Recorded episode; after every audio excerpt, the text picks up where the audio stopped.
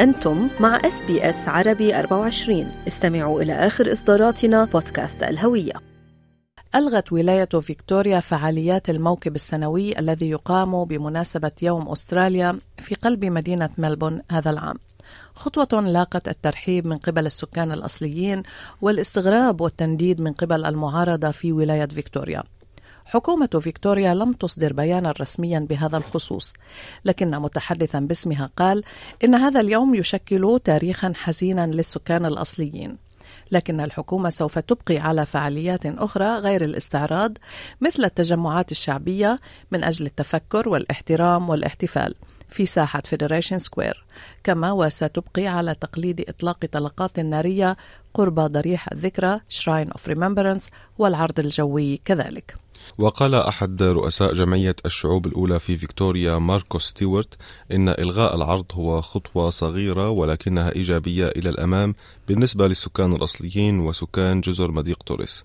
وقال لقناة SBS News كان العرض صفعة على الوجه وكان بمثابة رش الملح على الجروح وأضاف بأن العرض كان علامة على الأذى والألم الذي تسبب فيه الاستعمار وأضاف السيد ستيوارت يمكننا الآن بدء حوار ناضج في هذا البلد حول شكل اليوم بحيث يمكننا جميعا الاحتفال بيوم يجمعنا معا ولا يفرق بيننا ومن المتوقع أن تتخذ حكومة فيكتوريا قرارا بشأن كيفية الاحتفال بالفعاليات المستقبلية في السادس والعشرين من يناير في الوقت المناسب عن هذا الموضوع يسعدنا أن.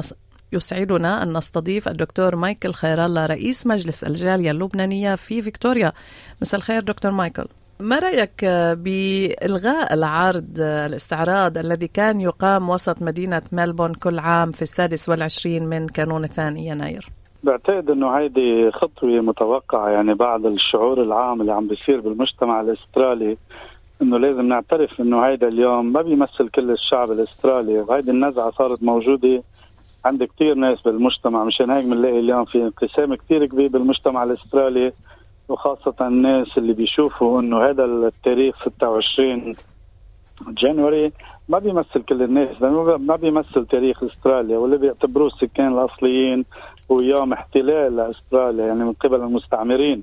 فمشان هيك يعني إنه بتلاقي الشعور عم بيتغير تدريجيا نحو الاعتراف بشعب استراليا الأصلي، الاعتراف إنه لازم يكون في يوم يجمع الكل مش بس هذا اليوم اللي يجوا فيه المستعمرين إلى أستراليا، لازم كمان يعترفوا إنه مثل ما ذكرتوا هلأ بالتقرير تبعكم إنه الشعب الأسترالي السكان الأصليين موجودين بإستراليا من أكثر من 60 ألف سنة أو أكثر فلازم يعترفوا بهذا الشعب ويعملوا يوم يجمع الكل يكون يوم جامع مش بس يوم للاحتفال بقدوم المستعمرين إلى أستراليا وهذا فعلا الخطوة اللي عملتها حكومة فيكتوريا متوقعة وشغلة بالنسبة لنا نحن إنه شغلة كثير إيجابية هلا أكيد في كثير قسم من المجتمع راح يعارض هذه الفكرة بيعتبر أستراليا بدأت يوم اللي وصلوا المستعمرين لها يعني برأيك يعني دكتور مايكل هل يجب تغيير تاريخ الاحتفال بيوم أستراليا الوطني؟ بالضبط لازم يعني يقترحوا يوم يجمع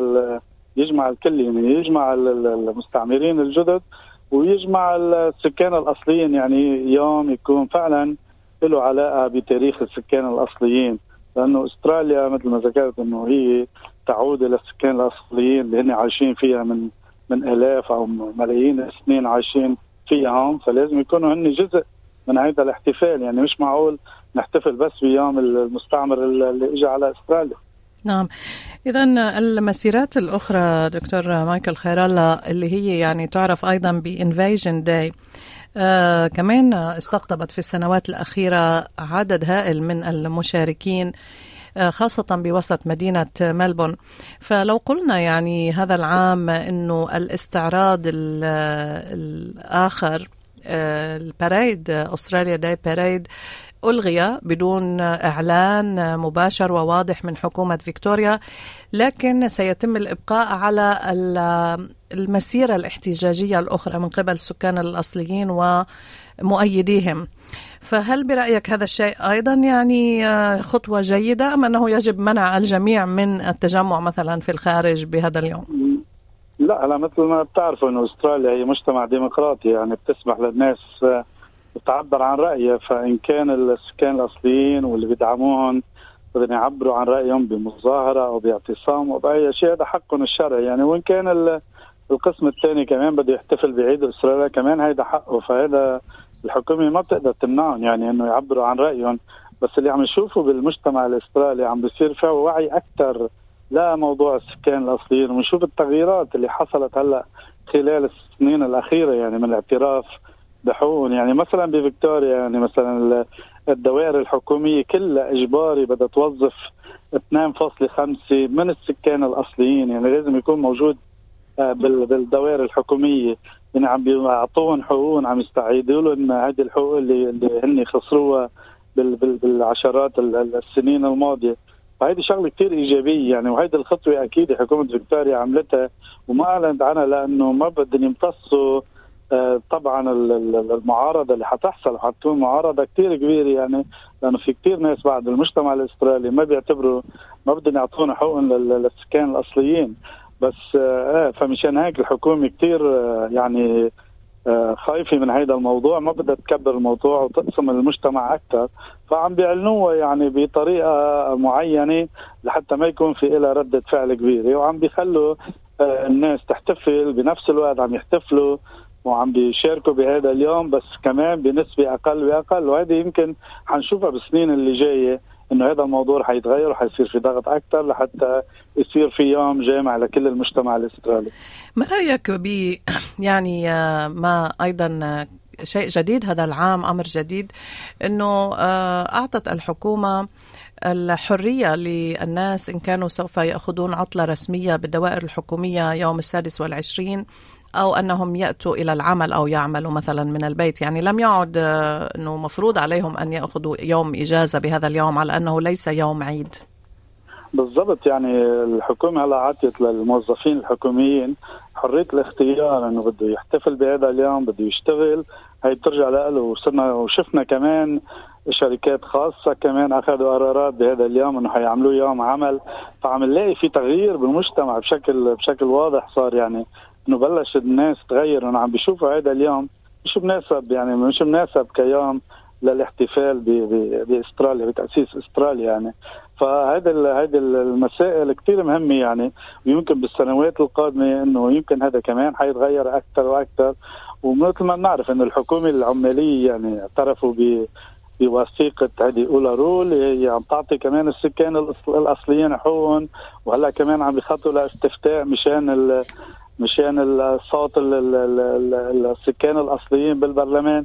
يعني كل هذه الأمور خاصة بوجود هلا حكومة عمالية فدراليه حكومة عمالية بالستيت فهذا عم يعطيهم دعم أكثر وشجعهم أكثر إنه ياخذوا هيك خطوات أكثر جرأة لحتى يعترفوا بحقوق السكان الأصليين ويعملوا يوم يقدر يجمع الكل بهذه بهذه المناسبة المهمة هذه اللي نحن كلنا بنفتخر فيها. نحن نحن كمجلس كنا نحتفل كل سنة بهذا اليوم وبعدنا بنحتفل يعني بس بنفس الوقت بنقول إنه السكان الأصليين لازم ياخذوا حقهم لازم نحتفل بيوم يكون في يوم لهم آه، يكونوا هن جزء منه يعني. نعم.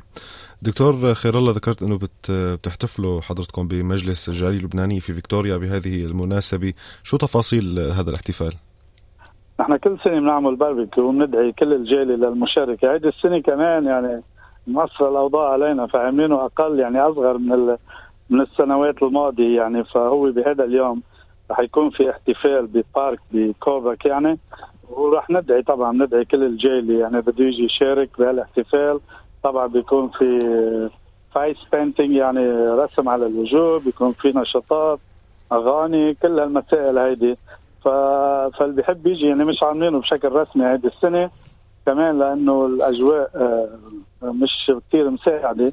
فبس هذا لا يعني إنه الناس تاخذ داي اوف وتيجي تحتفل لأنه نحن نعتبر نحن كجالي لبناني كجالي عربي نعتبر نفسنا نحن جزء من هذا البلد اللي عايشين فيه نحن جزء أساسي وبنساهم بكل شيء بيصير فيه آه، لحتى نطوره ونساهم فيه أكثر يعني. جميل جدا. اذا إن يعني إن كان هناك رغبة عند أحد من المستمعين أن يعرف عن الباربيكيو الذي سيقام ضاحية كوبرغ آه، كيف ممكن أنه يعرف متى وأين والاتصال بكم ربما؟ أكيد في في يتصل فينا مباشرة على الرقم. هلا بعطيكم إياه وهن يعني welcome anyone يعني بده يجيب ال بجيب الباربيكيو. تبعه. إيه، يجيب الباربيكيو يجيب الموسيقى اللي بده إياه ويجي يحتفل بده يجيب علم استراليا بده علم ال Aboriginal اللي بده يجي تنحتفل يعني. حلو كتير يعني احتفال جامع فعلا. في رقم للاتصال؟ أكيد أكيد. هو 0414 332 503 503 إذا بنعيده آه، صفر أربعة واحد أربعة ثلاثة ثلاثة اثنين خمسة صفر ثلاثة الاتصال بدكتور مايكل خير الله رئيس مجلس الجالية اللبنانية بفيكتوريا والذي تحدثنا معه اليوم أيضا. بنشكر آه، وقتك جزيل الشكر دكتور مايكل. شكرا شكرا لكم لل SBS على على الإضاءة على هذه الأمور لأنه كثير مهم الجالية تفهم شو عم بيصير بالمجتمع الاسترالي مسألة كثير مهمة فشكرا لكم. شكرا وإلى اللقاء. استمعوا إلى آخر إصدارات SBS عربي 24 على جميع منصات البودكاست. تابعوا بودكاست الهوية في موسمه الثاني الذي يروي قصصا واقعية تعكس تحديات الانتماء التي يواجهها الشباب العربي في أستراليا.